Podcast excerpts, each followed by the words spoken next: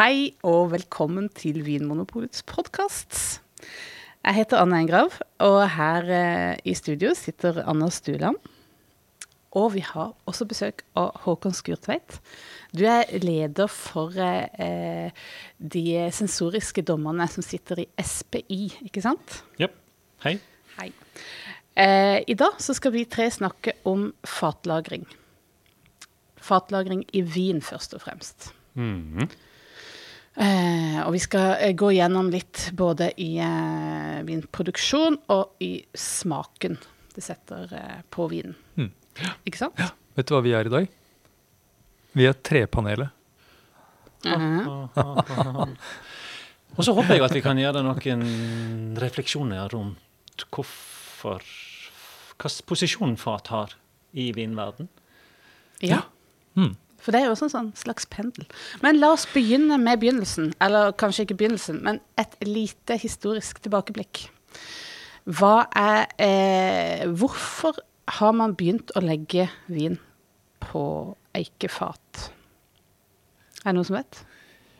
Det vet vi vel alle at det har med å gjøre at eikefat var brukt til som en beholder. Ja, det er rett og slett en Før beholder. plasten, glassfiber, rustfritt betong, så var det nå det som var vanlig. For det er jo praktisk, og for de er ikke så store så det går an å frakte vin i det. De hadde jo amfora før det også, hvor de lagde av leire som de brant og, og sånt. Men de var kanskje ikke så tette og så lette å rulle, eller stable kanskje, som, eh, som eikefatene. Og knuste kanskje lettere. Jeg vet ikke. Sikkert uh, mye praktisk som var grunnen til at de begynte med, med eikefat. Hmm. Men så hadde det en effekt på vin som gjorde at i både smak og aroma som gjorde at det er kanskje nå blitt det, eh, det som er nå er grunnen til at man bruker fat, er jo ikke nødvendigvis at det skal være en beholder. For vi har så mange andre mye mer praktiske Ja. En har jo slutta å ha sild i tønner og salt. Ja, ja, kanskje en har sild fremdeles. Hvem veit? Ja, nei, det- vet jeg ikke. Nei. Men det kunne vært en idé kanskje for en sånn sildeprodusent å starte med sånn gammeldags sildeproduksjon, som er sånn fatlagret sild. For jeg tenker at uh, det uh, I vin- og, og brennevinsverden så er jo det med fatlagring et, nesten et salgsargument. Mm. Det blir det brukt som. Ja. Men skal vi starte med å fortelle om hvordan Ja, fat blir brukt? det Du syns jeg. snakket om lagring, men det blir jo faktisk brukt til produksjon, til fermentering òg. Og når vi sier fat, så tenker vi på de tønner som er fra sånn 225 liter opp gjennom til 500, stort sett. Ja, det, det er som mange er flyttbare. variasjoner. Men så finnes det jo trebeholdere som er større òg. Så det er flere ting. Én ting er fasongen på fat og trebeholdere, og det andre er jo at det er laga av et material som har noen egenskaper. Ja, ok, la oss ta materialet først, da. Mhm. Fordi eh, vinfolk, når de snakker om fat, så er det liksom innforstått med at det er snakk om eik. Ja. At det er eiketre som er eh, liksom materialet som man lager fatene av. Men eh, det fins mange andre treslag også. Ja. Eh, Men det er ikke så mange som egner seg så godt for, som eik. For det ene Nei. som vinprodusenter sier er fordelen med eik, det er at det faktisk tilfører noen attraktive egenskaper. at det smaker, at det smaker litt smaker godt. Og det andre er at det er tett. Mm. Det er vanntett. Det holder godt. Det er ikke helt lufttett, men det er ganske tett. Da. Og det handler om porene i treverket. Så jeg har jo snakket med folk hvorfor de ikke bruker en, en del andre treslag som hadde gått an. Så sier de at ja, men det blir ikke noe effekt av det. Ja, eller at uh, vinen renner ut. Eller det kan bli for mye. Ja. Ja, og det er liksom, tenker, Da er jo poenget borte. Hvis ikke beholderen klarer å holde på, på vinen. Så altså, selv om det da er mange treslag i verden, så er det først og fremst eik som brukes. Men også innenfor eikefamilien, hvis det heter det, så, så finnes det jo ulike typer. Ja. Og det er også et valg som en vinmaker tar, er hvilken, hvilken eiketype skal man bruke. Eh, og da er det vel Det store skillet går vel egentlig mellom det man kaller fransk og amerikansk eik. Ja. Eller europeisk Europeisk. og amerikansk eik, kanskje. Mm. Ja. Og det som er litt komisk, er jo det at eh, amerikansk eik, eh, den hvite eika som de har i USA, den smaker mer, hvis man skal si det litt enkelt, enn den europeiske. Og det er litt morsomt, fordi man gjerne tenker at amerikanere også snakker litt høyere. At de er litt mer høylytte, på en måte. Og sånn er eh, jaggu liksom, Trærne der. også. Ja. Det er en måte å huske det på. Og så vokser de fortere. Gjør de det òg? Ja. Ja, men er det ikke derfor de også har litt større porer? ja, og da er slipper de litt- mer aroma også, kanskje. Ja. Mm, nei, Man sier vel at eh, det er spesielt eh, litt mer sånn vaniljearoma som kommer fra amerikansk fat. Eh, og eh, så syns jeg også vi skal gjøre et skille, selv om vi sier det europeisk, eh, noen ganger fransk eik blir brukt. Men eh, det er også et annet, eh, for de som er litt opptatt av fattyper, eh, så er det også dette med Er det slavonsk eik? Ja, ikke slovensk. Ja, for der bommer jeg hele tida. Det er slavonsk, ikke slovensk. Jeg tror det er veldig mange som har bommet der, rett og slett. Selv de beste kan ta feil. og det bommes fremdeles. Ja. Ja. Nei, slavonsk det er, handler da om et område i Kroatia som er kjent for å produsere eller ha mye eiketrær. da. Men også Ungarn og Italia, Polen f.eks. produserer mye, mye eik som brukes til fat. eh, Og Frankrike, selvfølgelig. Ja. Men eh, vi har eik som kan brukes i Norge. Har vi det? Ja da, vi har det. Så det viktigste har jeg forstått når en skal lage et eikefat av eiketre, er kanskje ikke bare valg av hvilken eh, underslekt det kommer ifra, men òg den tørkinga som en gjør. For hvis en bare sager ned ei eik og så kløyver og lager staver og lager, lager et fat av eh, eikestavene samme dag som du har felt eika, det går ikke. Det blir altfor mye tannin trukket ut og, Ja. Mm. av uh, Du kan jo gjøre det, men, men, ja. men hvis du har hastverk Men ja, det er som sier at da, det blir ikke så godt, Det kanskje. blir ikke noe bra. Nei, det blir mye snerp. Så det første en gjør, er å, å eh, legge disse her stokkene ut til Ikke til tørking, egentlig, bare til eh, En form for modning. Ja. Litt sånn som man gjør med tørrfisk. Det er litt, Vitsen eller er at det faktisk det skal regne og, på det òg, og, og at det skal vaske ut en del av de tanninene som er Ja. i Det renner jo svart ut ifra disse her. Og da ligger de sånn stablet oppå hverandre, sånn kjempehøye stabler, og så er det, skal det liksom komme litt luft, litt luft til mellom stavene. Er vi nå på stammestadiet, altså? Det er ikke, de er ikke blitt Nei, eh, de, de, har, de er kløyvd. de er er kløyvd kløyvd. eller sagd av. Det er, sånn, det er vel sånn at den amerikanske eika den, den kan sages uten at du ødelegger evnen til å holde tett, mens europeisk eik den må da kløyves. Du kan liksom ikke kutte stavene. Akkurat. Nettopp. Ja, nei, Så da ligger stavene til, til modning, da. Mhm. Tørking. Og det tar vel, eh, tar vel nesten tre år. Såpass. Ja det. Mm. Og så når vi da har eh, ferdig modna, så skal man begynne å sette det sammen. Eller begynne å bygge et fat. Ja.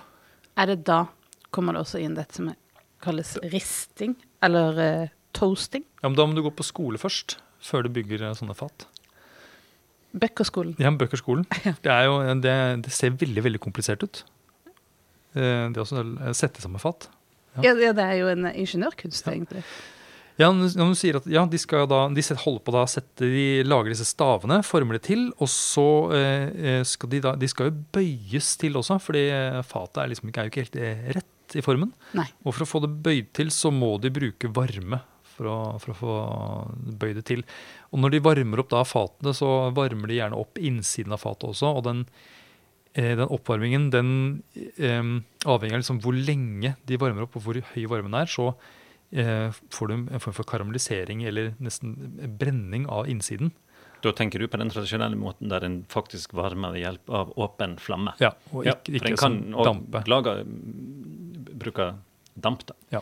Nei, hvis man bruker flamme. Ja. Mm. Det er litt interessant, da, for at den der eh, ristinga av treverket, at det blir svidd på innsida, det gir jo òg en eh, smak. Vi må jo forvente at lytterne våre har en, smakt sikkert vin som det har vært litt sånn vanilje og litt sånn rista brød, eller noen sånne assosiasjoner til eh, Mhm. Som gir assosiasjoner til eh, rista eh, treverk. Ja, ja, men jeg tenker at hvis, har du, hvis du har ristet noe som helst, Ja. ting som er vanlig, vanlig å riste, som Ja. man skal spise altså, nøtter eller brødskiver eller noe. Hvis du har rista det, så vet du liksom hvordan den utviklingen av smak da Mm. blir etter hvert som det blir liksom svartere og svartere. Mm. Og sånn, Det er nesten det samme når det Ja. gjelder da fatet. Er det Ja. svart innvendig, så er det mye sånn røyk, tjære, kaffeaktige aromaer. Mhm. Og jeg tenker at det er nok kanskje det største eh, skillet mellom de ulike fata. Det er den graden av toasting eller risting da, Mm. som man har gjort av stavene. Og eh, den aller liksom hardeste ristinga, det er vel en eh, skal vi si trend som er i ferd med å gå tilbake. Det er ikke så vanlig å komme over viner som er sånn dypt svart kaffetjære. Kanskje, men samtidig så tenker jeg i alle de 30 årene jeg holdt på og leste om vin, så har jeg jo i alle nye bøker så står det at nå er trenden at en bruker mindre fat og mindre toasta eik. Det har jeg jo hørt i alle år. så, men jeg, jeg tror du har eh, Ja, for den der og- kaffetjære-aromaen, den er ikke så vanlig, syns jeg. Det er mer den derre nellik som kanskje kommer fra det litt mer sånn mellomrista. Mm. Og så for mindre, for å begynne å snakke om rett på hva som kommer ut av treverket. For at når en fermenterer en vin i et fat, eller lagrer vin på fat, så trekkes det ut en del um, ulike stoffer ifra treverket. Vanilje har vi du nevnt allerede i dag. Uh, Ja, og det, og, ja, og så òg uh, tannin babla jeg litt om. Ja, det som gir Og det, hvis du rister fatet litt mørkt, sånn brenner overflata, så kommer det mindre tannin ut. Så det kan være en sånn fordel. For det, at det skal jammen være fint treverk før det, det, Jeg, jeg syns jo at det tannin som kommer fra treverk, mm -mm, ikke så god. Nei. hvordan, hvordan da? Ja, At det, det blir enda tørrere i munnen. altså det, Når det snerper, så er det akkurat som den der snerpen som kommer fra fat, blir liggende lenger på tunga. Ja, det er litt sånn hissigere snerp som ikke Ja, vil helt sånn, slippe. ja. på en måte. Og det, tannin er jo et komplisert område, for det er Det finnes så mange typer av de. Ja, det er ikke det at jeg Jeg, jeg, jeg er ikke helt sikker på om jeg klarer som å skille druetannin og fattannin fra hverandre. Men jeg, jeg, jeg er jo enig i hvert fall at dårlig, dårlig snerp er den der snerpen som Mm. virkelig bare sitter og ikke forsvinner etter hvert som du får smatta. Mm. Ja. Men Ja. det, det, jeg kom til å tenke på noe når du snakket om eh, Ja, dette her er eh, Som du, Anders, sier, at alle kjenner jo disse aromaene ifra noe som er steikt. Og jeg tenker jo at det ligger djupt i oss at vi, nesten alle folk syns at det er godt òg. Altså Sjøl vegetarianere syns det lukter godt av bacon. Så, så jeg, jeg lurer på om det er at dette der For jeg, jeg kan jo lure på hvorfor i all verden holdt en på med de der kjempedyre eikefatene og putta vin oppi så en får smak ifra det. Og jeg tror det er noe urdjupt i oss som, som gjør det. Jeg har jo gjort en liten test med ei gruppe med folk og ba de å skrive ned de to fineste luktene. Altså, bare litt sånn kjapt. Det kan jo folk som hører på gjøre òg. Liksom notere ned. Hva er de to beste luktene du vet om? Og det trenger ikke være knyttet til mat nødvendigvis, men hva som helst. Og det viste seg at jeg tror det var over 70% hadde den ene. Det handler om et eller annet som var brent. Alt ifra tjæra nøstvegg til eh, kaffe og ja. Og det, ja, det skjønner jeg godt. Ja. Jeg syns også det lukter godt av f.eks. en sånn ny kjære båt, for Mm. Kanskje det er noe som eh, At det er huleboeren i meg, rett og slett. eh, Det var jo de som syntes at steikt kjøtt smakte godt, mhm. som eh, Overlevde. overlevde. Ja. Så det, Så det, det der kommer det fat, eh, For at elsken. fatelsken ifra. For det er jo en kontroversiell ting òg. I vinverdenen i hvert fall, så tenker jeg at en, en markedsfører vin med at vin har en spesiell egenskap som en ikke snakker om når det gjelder tomater nødvendigvis, eller gulrøtter, selv om det kommer inn det òg av og til. Du kan kjenne smaken av en vin reflekterer den plassen der druene har vokst. Mm. Sant? Ja. Dette her snakker vi mye om. Og, og, og vi kjenner jo òg at Og dette må være fra et varmt klima, sier vi av og til. Og det står bak på flasken også at uh, produsenten skriver at 'jeg har laget denne vinen med respekt for terroiret og tradisjoner' og jeg liksom, Eller Ja. At de står i kjelleren og sier at de er bare en fødselshjelper. Og Derfor så er det jo rart, da, hvis de sier det at denne vinmarka er så spesiell. Det er helt fantastisk hvor spesielle de druene blir, og hvor spesiell vinen blir. Og da lurer jo jeg ofte på hvorfor i all verden putter du da vinen på helt nye fat? Sånn at det smaker masse fat. Er det en del av fødselshjelpinga? Hva syns du? Nei, jeg tenker at Det er i hvert fall det argumentet jeg har hørt imot. At det er liksom at den det eh, Grunnen til at du putter det på fat, er at det får frem det vinen egentlig er. Du enig? Eh, nei, jeg er jo ikke det. Men samtidig så tenker jeg hele eh, ideen om dette voksestedet i det ferdige produktet syns jeg er vanskelig å forstå uansett. For da begynner plutselig Ja, men da har du plutselig Jæren, hva gjør den eh, Ja. inne i bildet? Altså, det, det er liksom alt. Mhm. Alt kan jo være med på å kludre til. Og, og vi kan, når vi begynner å snakke om terroir, som ikke er tema for denne er podkasten, så, så eh, kan vi jo problematisere eh, veldig. Men jeg har nå en idé om hvorfor Altså, Én ting er dette her urmennesket som syns at det, det er litt rista er godt, men jeg, jeg tenker jo òg på hvilken prestisje eh, eh, fataroma, fatpreg, har, har fått i vin. Det har jo gått så langt at en putter oppi Når en ikke har råd til ordentlige fat, så, så svir en noen eikestaver og fliser og sånn og har oppi mens vin fermenterer, eller mens han lagrer det, for å få denne her. Og jeg tror at det har noe med den høye statusen til bordeauxvin, f.eks. Mm. Og vi vet at iallfall for 100 år siden, og fram til i dag òg for den saks skyld, altså, så er det jo viktig at de beste druene av vin, den beste vinen du har, den må du jo ikke ødelegge. Og en måte å ødelegge vin på er å putte den oppi et gammelt fat som er fullt i Brettanomyces-bakterier og eh, Brettanomyces-sopp og bakterier og sånn, at, at den blir ødelagt. Og det sikreste du kan gjøre, er jo å bruke et nytt fat, for det er rent. Ja. At det er en hygienisk grunn. Og så seinere så har det blitt en sånn indikasjon på kvaliteten, eh, nesten. At når du kjenner litt sånn nytt trefat i vinen, ja, da kjenner du igjen Å, det er sånn som de der eh, aller beste vinene. Mm. Jeg tenker også at det er en, en eh, ganske sånn enkel knagg eller markør man kan kjenne i, i vinen. Mhm. Hvis du, hvis du har lært deg å kjenne den derre kaffe, sjokolade, vanilje, kokos, nellik-aromaen som kommer fra fat, så er det noe som er lett å kjenne igjen seinere, og som det er lett å prate om. Eh, og de fleste er, kan bli enige om at ja, denne vinen har fatpreg. Og straks man har på en måte noen sånne ting man kan være enige om, så er det mye lettere å eh, liksom bestemme om vinen er eh, hvor den er på en måte i kvalitetshierarkiet. Eh, Ja, det, er- vi liksom, vi, når det gjelder det også bedømme vin, så, så må vi innrømme at vi, vi famler jo en del. Men det også f.eks. Jo mer, jo mer vi kan være enige om, jo lettere er det. Og fat tenker jeg er en av de tingene vi kan liksom være enige om at ja, det, fat er denne vinen. Ja, for jeg tenker litt eh, Altså, eh, fat er jo en av de tingene som vi eh, putter inn i boksen stilvalg. Eh, I motsetning til vinmark, som er mer sånn der, det naturgitte. Så det er mer sånn stilvalg. Det er avgjørelsene til vinmakeren.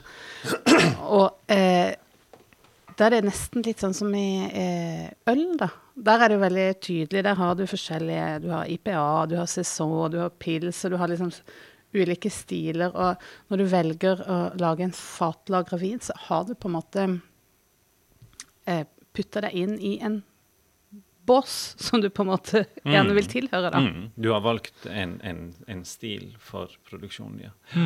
Jeg, s- jeg må innrømme at når jeg tenker liksom, liksom prinsipielt rundt det å bruke fat, så syns jeg det er litt rart at vi tillater aromatisering, for det er jo strengt tatt det. Hvis du bruker et nytt fat og putter vinen oppi der, så trekker vinen da ut aromastoffer av fatet eh, som ikke fins i druene. Så du aromatiserer vinen din, fataromatiserer den, og så selges den som vin. Men det, det er jo ikke lov å aromatisere vin med noe annet. Du kan ikke putte sjokolade oppi, eller kaffe, eller eh, kanel eller kardemomme. Det er kun eh, fatkrydder på, på en måte, som er lov da å bruke i vin. Eh, og det er jo fordi det henger sammen med tradisjon. Ikke sant? Mhm. Men jeg syns jo det er litt pussig at vi syns at det er greit, og til og med eh, veldig fint, Mm. med fataroma i vin. Når det egentlig strengt tatt bør handle om drue- og gjæringsaroma. Men den trenden der har jo gått i bølger. Kanskje ikke så fryktelig mange bølger, men, men eh, For nesten ja, litt over ti år siden så var jeg i Østerrike, og så var jeg på et arrangement der plutselig så fikk jeg servert mye eh, rødvin av Blau Frankish eh, blindt av en vinmaker. Det var en stor vinsmaking. Og så syntes han det var gøy å høre hva jeg sa om de forskjellige vinene. En ung vinmaker. Og så kom han til meg med forskjellige viner, og så smakte jeg på dem. Og så sa jeg hva jeg syntes, og så diskuterte vi dem. Veldig gøy. Og så satte han fram en vin som jeg syntes var helt fantastisk god. Det var en kompis av han, han ble glad for det, for han likte godt han, og er enig i at det var en veldig god vin. Og så kom han med én vin som jeg sa dette her er jo en kjempegod vin, men for en tulling han er, han sa lager han, for den, det er jo så mye fat som kamuflerer eh, der. Og det var hans egen vin, da, selvfølgelig. Så, så, Hva sa han da? Nei, men han ble jo ikke noe sur. Han ble bare liksom åh, det var dumt, dette er den beste, dyreste vinen jeg lager. Jeg skulle ønske jeg hadde tatt med den nest dyreste, for den er det ikke noe ny eik på i det hele tatt. Og han syntes egentlig den var best sjøl å drikke. Og så spør jeg han ja, men hvorfor Eller jeg begynte å unnskylde meg og si at jeg har jo ikke noen greie på salg av vin og markedet her, og jeg regner med at dine kunder forventer at det skal være et sånn preg av uh, nye fat på den kjempedyre vinen. Og så rister han på hodet og sier nei, nei, nei, ingenting med det å gjøre, de har ikke problemer med å selge vin uansett. Ja, men hvorfor gjør du det da, når du sjøl ikke syns det er så godt? Og så sier han, og det er overraskende, det er det faktisk ingen som har spurt om før. Og det har ikke noe svar på. Vi har bare alltid gjort det. Så det er jo, det er jo litt eh, Ja. eh, interessant, det. da. Og da begynte han å fortelle om bestefaren, som ikke tappa vin på flaske sjøl. Han solgte til sånne innkjøpere som kom rundt en gang i året. Og de kom og smakte på de forskjellige sånne svære eh, eikeliggere. Og hvis de hadde reparert disse der, så var av og til at det kom tresmak i vinen. Og da ble prisen lavere. De hadde et sånt begrep for det. Noi-erl kalte de det for. Som han ikke visste hva Jeg vet jo hva noi det betyr. Ny, da. Men erl vet jeg ikke. Eh, så, så det er jo morsomt. Det var på 60-70-tallet, når de solgte i bulk. Så hvis de kjente smak av fat, mm -mm, lavere pris. Og så da, 30 år etterpå, når de lager vin, så er det masse smak av fat på den aller dyreste. Ja. Litt interessant. Ja, og det tenker jeg er nesten regelen nå.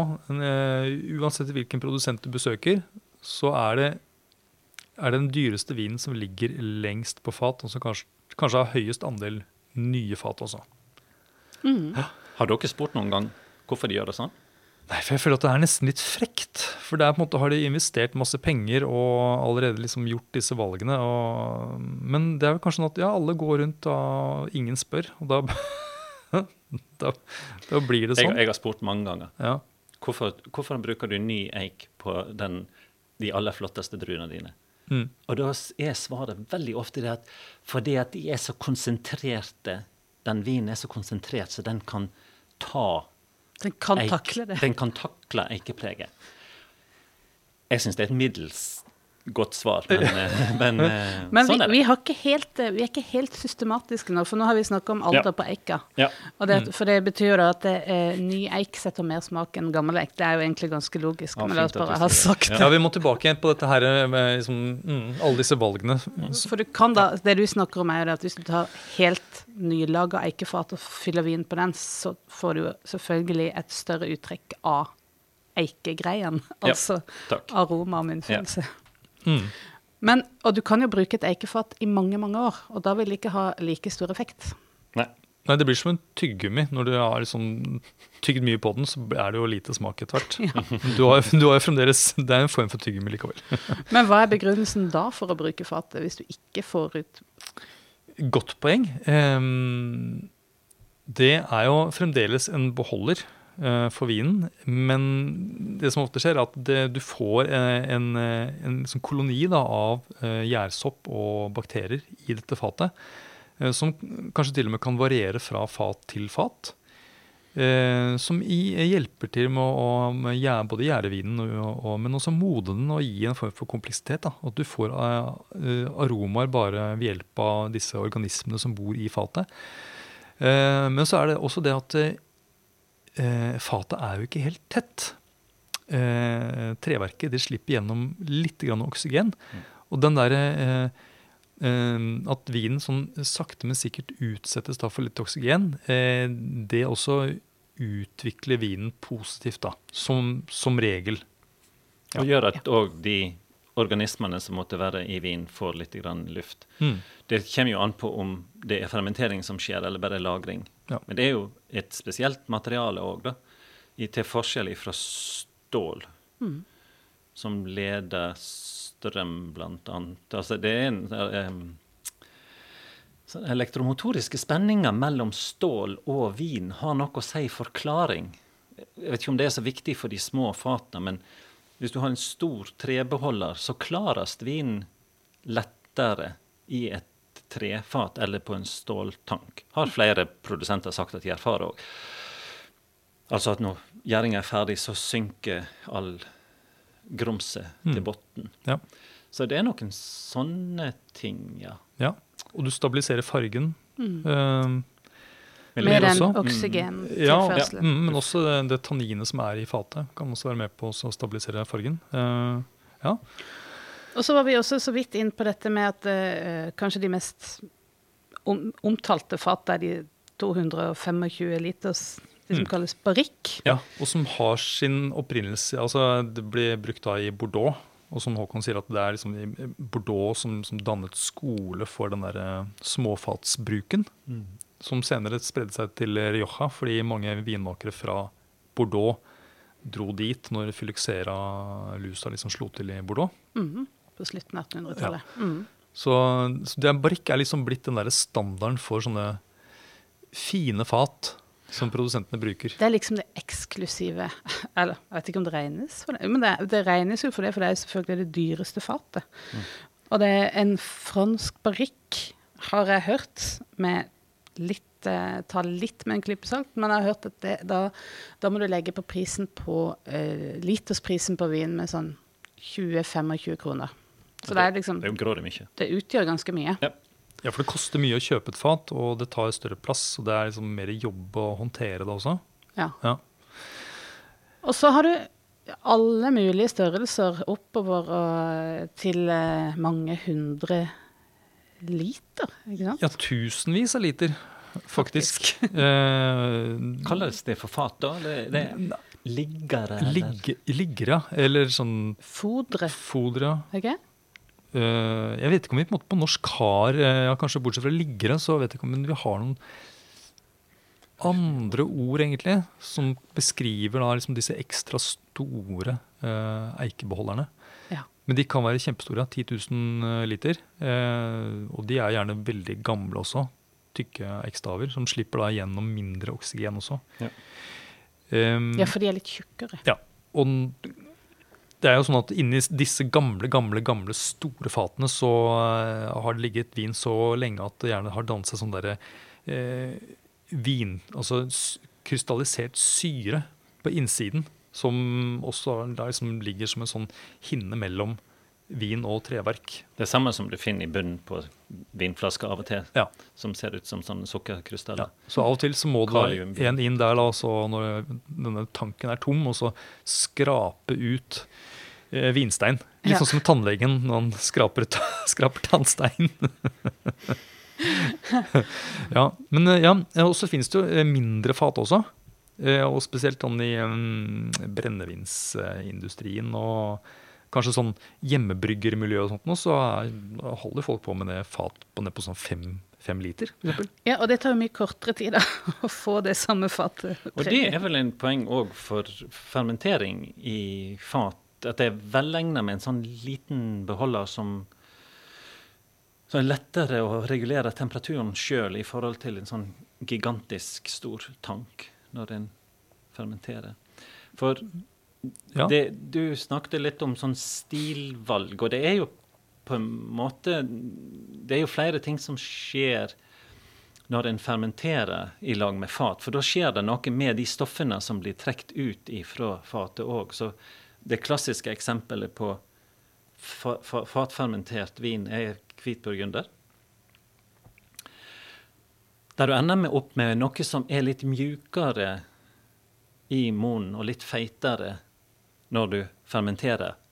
Og du får ikke så mye f.eks. vanilje blir brutt ned til, altså vanilin som gir vaniljesmak. Bryt gjærsoppen ned til et eller annet stoff som ikke har så mye aroma. Så, du, ja. så, så det blir mindre Det er jo litt artig at det blir mye mindre påtrengende fataroma i en vin som har fermentert i eika, enn en som er fermentert på stål og så putta over på eik. Ja, som har på en måte vært i denne, dette fatet helt siden vinen ble født. på en måte. Ja, ja. Den smaker mindre, mindre fat, Ja. egentlig. Men den får en god del ut òg sånne sukkermolekyler, store, som kommer ut fra fatet som blir danna. Og sånn. Og de gir vel noe med munnfølelsen. Ja. Sånn, ja. Mm. Litt eh, mer eh, Litt rikere munnfølelse, som blir Jeg har også hørt at, det ligger, altså, at jern da danner et, sånt, eh, en sånn, et lag på innsiden av fatet som også gjør at eh, treverket påvirker vinen mindre enn om du bare heller oppi en ferdig gjæra vin i fatet, for da er det ikke noe som blir liggende på innsiden. Og det har jeg òg hørt når det gjelder det som vi snakket om, en sånn faterstatning, at en kan ha sånn staver i en ståltank. Og da har jeg òg hørt at et argument for det er òg at, at det dannes en sånne tjukke lag med gjærsopp på de stavene. At det har en god effekt òg. Jeg vet ikke hvor viktig det er, men eh, men dette, det, er- det litt artig med den der tradisjonen med fatfermentert vin. Og vi, selv om vi hadde en, en bolk her der vi problematiserte terroirpreg, altså å kunne smake hvor vinen har vokst, så, så må vi jo innrømme at det er jo ikke mange viner som er så tydelige i det som hvit burgunder på et høyt nivå, som er fermentert på fat òg. Mm. Mm. Ja, hvilke viner er det dere tenker um, er det, Fins det noen viner for eksempel, som ikke kan ligge på fat, eller som ikke passer til å ligge på fat? Det, synes, jeg- var et vanskelig spørsmål å svare på, fordi det er eh, Den vinen smaker, hvis den er veldig fryktelig slank og frisk, så vil jeg kjøpe den fordi den har de kvalitetene. Og hvis du da har lagt den på fat i mange år, og, så har den jo blitt noe annet. Ja. Moscato d'Asti, for eksempel, Ja, for med eksempel. fatpreg, det blir rart. Ja, det blir rart. Men det er kanskje for at vi er jeg tenker også, Det første jeg tenkte på, var, var Riesling. Ja. Men det er jo noen som har begynt altså Alltid så har det vært litt grann fatpreg på noen sånn tysk Riesling-vin. da. Ja, eller at de har brukt sånne store, Ja, store, fat. av og til så har du kjent litt grann, eh, som jeg ville sagt, eh, Neuerl. Mm.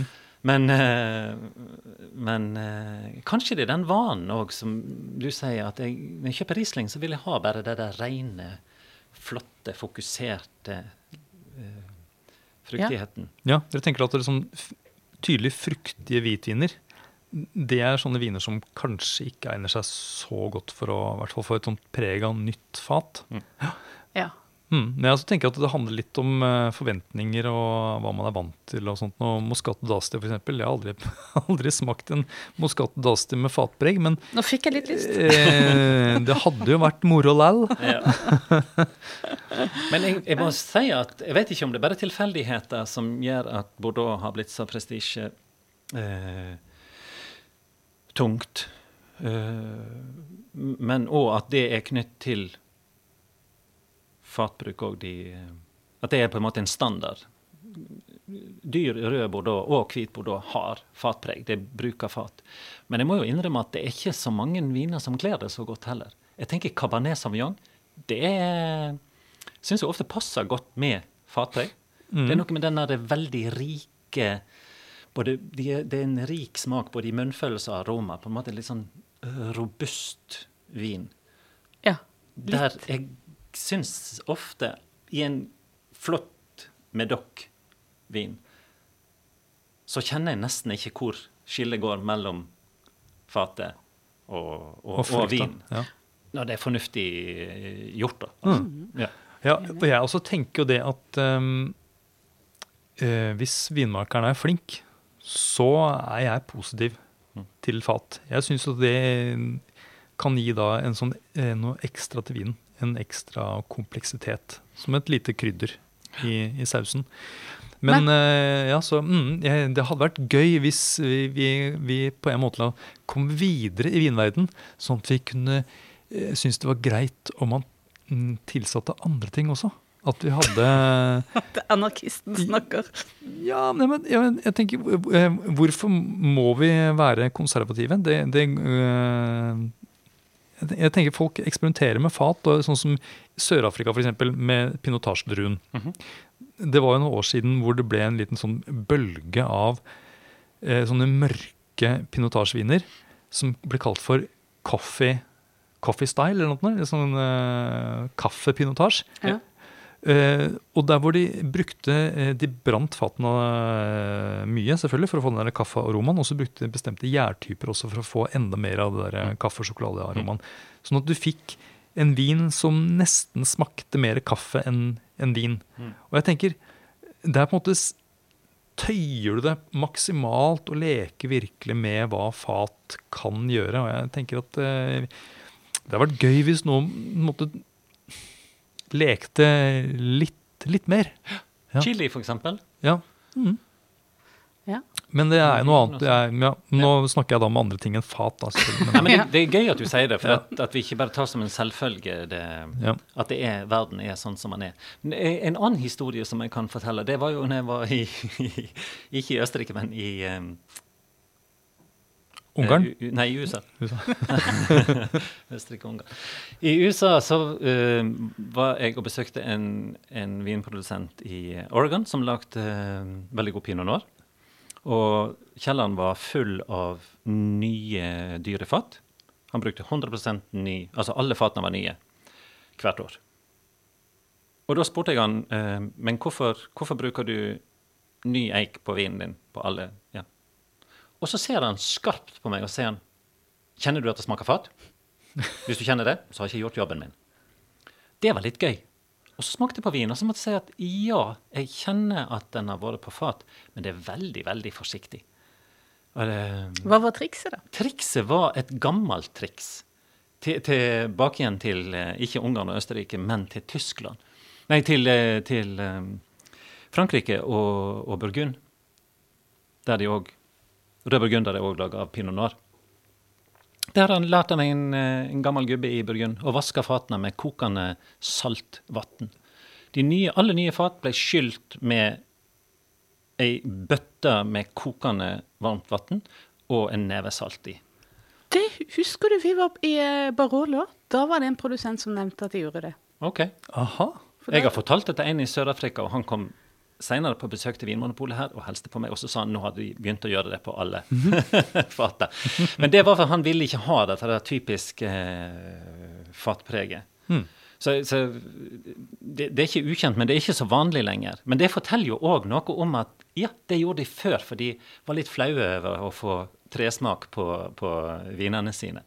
Og det er ikke så mange år siden. Ja, det er interessant. Ja, det er og eh, eh, det slo meg nå når du sa det at, vi har, eh, at han hadde hele kjelleren full av, av nye fat Ja. bytter ut hele tida. Eh, det når en vin blir tappa på et fat eh, og blir liggende utover Hvis den har ligget i seks måneder, og så ligger den i seks måneder til, så vil jo da altså de første seks månedene være de som på en måte trekker ut mest, og så vil det avta videre. Mm. Så det, det, det, med hvor lenge vinen ligger på fat, eh, er en indikator på fatpreg, men det er ikke nødvendigvis det som gir Altså at den har ligget veldig lenge på fat, setter ikke nødvendigvis mest fataroma. Tenker jeg er viktig også å få fram.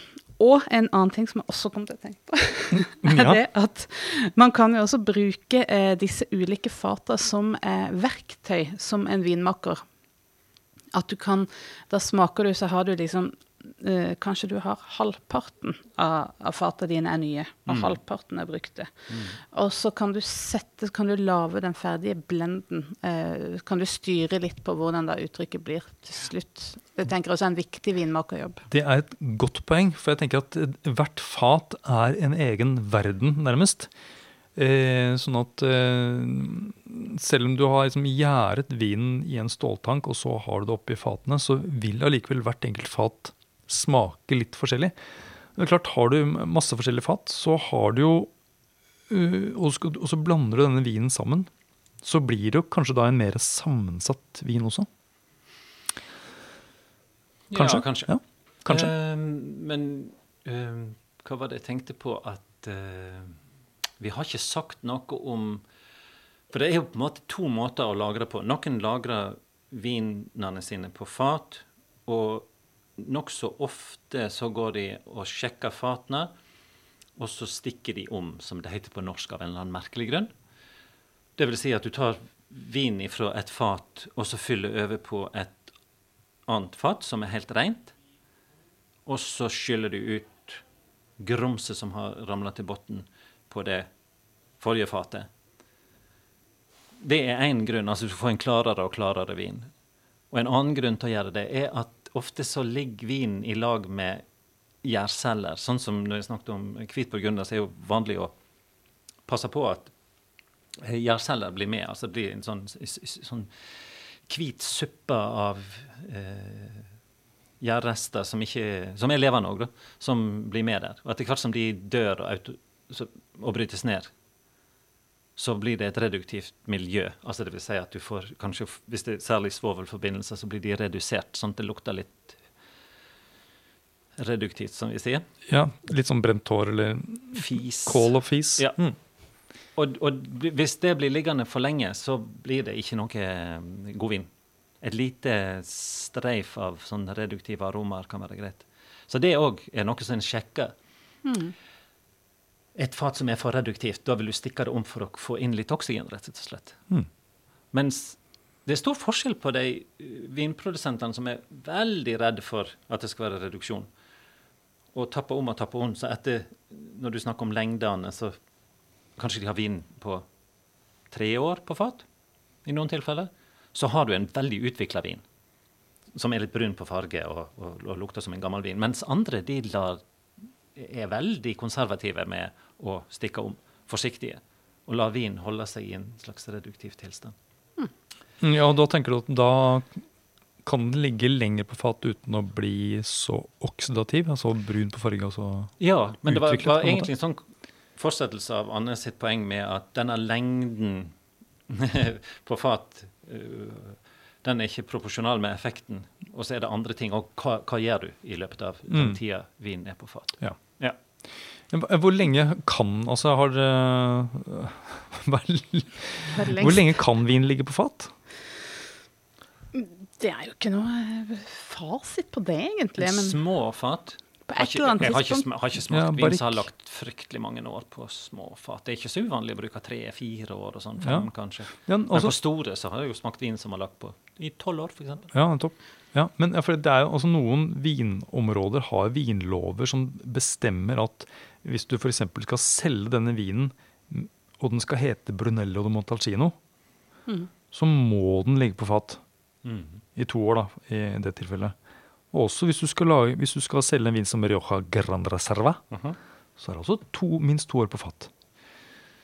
Og der, så det finnes en del sånne viner hvor, det er, hvor produsenten har ikke noe valg. Den må ligge, la det ligge på fat, men det er klart det må jo ikke være nytt fat, da, for eksempel. Så det, ikke, det må ikke ose av eikepreg. Og der har jo trenden gått i, i mange forskjellige retninger. Alt ifra de vinene, når, når du nevner Rioja, der, der eh, de etter fatlagring ikke har så mye fataroma, men har blitt ganske sånn oksidativt utvikla. Litt brune på fargen og lyse. Og så har du gjerne noen som kan ha lagt på nye fat, veldig forsiktig med, med omstikking, og så ender du opp med en vin altså to viner er fra samme årgang, da, som jeg har lagt like lenge på fat. og Den ene er ungdommelig og mørk og blåskjær i fargen. Og, ja. Ja, jeg syns også Tawny portvin er interessant i Ha. den sammenhengen. For det, Mm. det er jo også en, en vin som selges som en ja, fatlagra vin. Ja. Eh, Den er jo helt brun. Den er jo Ja. Og de har jo lagt 30 år kanskje på fat. Ja. Ja. Og, men der heter det gjerne sånn, si at det heter Tawny 20 år. Da er det ikke nødvendigvis at den har ligget, hele vinen har ligget 20 år, men den er blitt blanda til at den skal smakes. Sånn gjennomsnittlig. Ja, Ja. Og så er det en stilindikasjon. nettopp. Ja. Eh, og så- Og en siste ting. ja. Det er veldig mye. Det er mye å snakke om når det gjelder fat. Utømmelig tema. Mm. Tømmelig fat. ja. Og det er det at vi har snakka mye om uh, smaken fatet setter på det som ligger oppi, men det fins jo også tilfeller der det er det som ligger oppi, som setter smak på det som ligger oppi etterpå, for å si det sånn. Hvis vi uh, skal snakke bare to setninger om brennevin, for der, der er det jo også mange brennevin er vanlig å fatlagre. Ja. Alle brune brennevin, grovt sagt, da. Mm. Eh, og noen av de eh, er jo også vanlige å bruke gamle f.eks. sherryfat på whisky, eller sauternfat, sånne søte dessertviner, mm. som da selges til brennevinproduksjon. og så putter man brennevin oppi, og så setter det litt smak på brennevinet, det som opprinnelig lå i.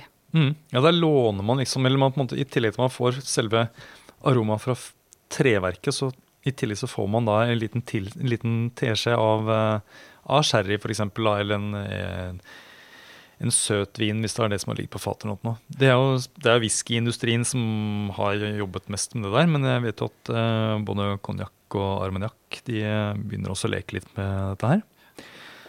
Uh, og ikke minst uh, norsk akevitt, da.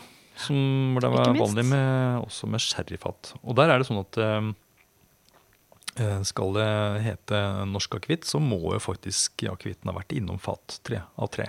Ja, ikke fat. Mm. Uh, det er Ja. morsomt med, med den der linja når du nevner skotsk whisky. For at før så var det alltid sånne vitser om skottene, at de var så gjerrige. Og i USA, så er, når de lager bourbon, så er de nødt til å bruke nye fat. Der er det lover som forlanger at det skal være nye fat. Ja. Ergo så må de få solgt disse fatene, og de er ganske billige. Så det er jo vanlig i eh, lang tradisjon i Skottland for å kjøpe de gamle bourbonfatene og, og lagre. mhm, ja. Ja, for det er jo en business i seg sjøl. Ja. Sånn fatbørsen. Ja. Ja, så altså De som lager bourbon, de er liksom litt flotte på det. De er- bruker alltid nye fat. Og så er, kommer skottene da og kjøper opp uh, de, brukte. Ja, det er, litt, det er litt gøy.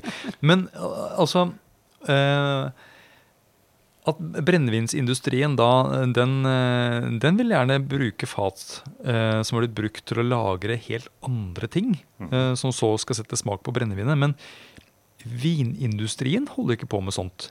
De, eh, de, de kjøper jo ikke bourbonfat for, eksempel, for å få litt bourbonpreg på, på hvitvinen eller, eh, eller sånn. Eller har du hørt om det? Er det, Har aldri hørt om. det. er det noe de gjør? Nei? At ikke de eksperimenterer mer med det? Eller sild. Ja, eller sild, Gamle ja. sildefat. Ja, men la oss, la oss si du f.eks. lager en, eh, en Holder på med hvitburgund, da, så får du tak i et fat fra som har blitt brukt til sautern. Så får du litt av den der sauternaromaen i Ja. Det er kjempegodt. De er litt konservative, disse vin, vinfolka. Ja. Men ølfolk, de er jo veldig, er det motsatte. De er det motsatte. De er veldig åpne for all slags mulig fat. Ja, for det er vanlig ølproduksjon, da. Og ja, og ja, og det er ja, mer og mer vanlig, vil jeg si, også å lagre øl på fat. Enten for å få aroma fra det som har vært på fatet fra før, eller fra selve fatet, eller for at man skal få en sånn syrningsprosess, da. ja. For ofte Eh. er det melkesyrebakterier som Ja. kommer til å vokse i det miljøet der. Ja, og da har jeg vært borti bryggerier som da har fått kjøpt f.eks. gamle rødvinsfat fra veldig veldig kjente burgunderprodusenter. Som du, sånn at, og da må du vise gjerne fram det. Det er sånn som de kan reklamere med. Mm. At Sånn kjendisfat. Mm. Vi, denne, dette ølet har ligget på kjendisfat. Det kan vinprodusenter gjøre. Ja, de kan, ja nettopp. At de liksom brukt, kjøpte brukte fat fra eh, En annen en kjent nabo.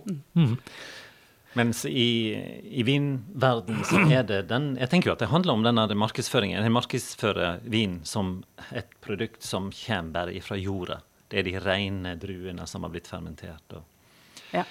Så derfor er det Jeg holdt på å si haram, men det er ikke lov, i hvert fall. Og, og Du skal ikke tukle for mye, men, men det er greit å ha nytt fat. ja. Ja. Det er rart. Ja, eh, og jeg vil bare si én ting til når det gjelder akkurat det med øl og fat, nemlig. Fordi eh, at det Altså, ølindustrien har jo hatt noen av de største fatene noensinne. Eh, og eh, det er en historie om, som er sann, eh, om et sånt kjempefat med porter, altså et sånt eh, mørkt øl, eh, som sto i et bryggeri i London. Jeg tror det var over 6,5 meter høyt, Mhm. dette svære fatet, og rommet da over en million liter Wow. med porterøl. ja. Eh, men i 1814 så sprakk dette fatet. Og så kom det et skjelett seilende ut. Nei, nei. Men alt dette ølet fosset da ut og sprengte seg ut i gatene. Og det var da et sånt slumkvarter eh, som dessverre som lå da nedenfor dette bryggeriet. Så ølet fosset gjennom gatene, og åtte personer døde I Porter. i porter, rett og slett. En, sånn En på, en porterflom pga. dette kjempefatet som da sprakk. Så moralen er etter den historien Ja, Barrikk. En, ja, enten barrikk eller gå over til stål, ja. Nei, men Ja. eh, jeg tror vi har fått dekka nå eh, det meste om eh, fatlagring i vin og litt øl og brennevin. Ja, Er det noe dere Litt grann. Nei, men jeg syns det har vært artig å, å diskutere litt hvordan hva, hva, ja. Ja. Kan, kan jeg bare eh, si en ting eh, til slutt? At eh, hvis du som hører på har lyst til å prøve vin som har fatpreg, så er det jo eh, Så har vi noen sånne vinstiler, eh, faktisk. Og når det gjelder hvitvin, så har vi en egen vinstil som heter eh, fatpreget og nyansert, er det vel heter. Eh, så da kan du på en måte sortere ut hvitvin som har eh, fatpreg. Utviklet og nyansert? Ja, og så Mm. har vi også eh, og, Men på rødvin så har vi ikke noe som heter akkurat Nei. noe med fat. Da. Mm. Men eh, og så kan du også se på hylleforkantene eller beskrivelsen av vinen hvis det står sånne ting som eh, kaffe, vanilje, kokos og nellik og sånt noe. Mm. Så er det jo sannsynligvis da en vin som enten har ligget på fat, eller som har blitt utsatt for litt sånn eikechips eller eikestaver. Og så er det jo noen da vintyper som er kjent for å bruke en del fat, og det er jo f.eks. Rioja. Og når du da snakker om spesielle reserva og Gran Reserva, Mm. for eksempel, da. Kan jeg nevne helt til slutt, hvis ikke du hadde noe mer å si? Ja, og Hvis kanskje, kanskje du du skal nevne det samme som de hadde tenkt på? Ja, ja. Ja, for vi har jo sagt i en eh, annen eh, episode av podkasten også at vi har også her hos oss en pose med eikechips, rett og slett. Så hvis man har lyst til å eksperimentere litt eh, i vinklubben eller for seg sjøl, så er det bare å sende en e-post til Varefaglig, vinmonopolet.no, eh, og med navn og adresse, så kan vi sende en liten brukerdose eikechips, så man kan, så man kan eh, eh, Sutte på? putte oppi vinen sin og så tilføre fatpreg, så man kan sammenligne da med og uten fat for om de klarer over hva Ja, så du, du, kan da, du kan da kjøpe en vin som ikke har ligget på fat i det hele tatt, eh, fri for fatpreg, og så kan du liksom eh, ha noe eikechips oppi halvparten av vinen, Ja. Og så la det stå over natta, og så kan du da smake på resultatet. ja, det er gøy. Vi har gjort det. Mm. Dette deler vi ut til alle som vil ha. Ja, det gjør vi. OK, da tror jeg vi skal bare si eh, ha det bra. ja. takk for praten. Takk for at du hører på Vinmonopolets podkast. Har du forslag til et tema i podkasten? Send mail til podkast at vinmonopolet.no. I tillegg svarer kundesenteret deg på e-post, chat og telefon.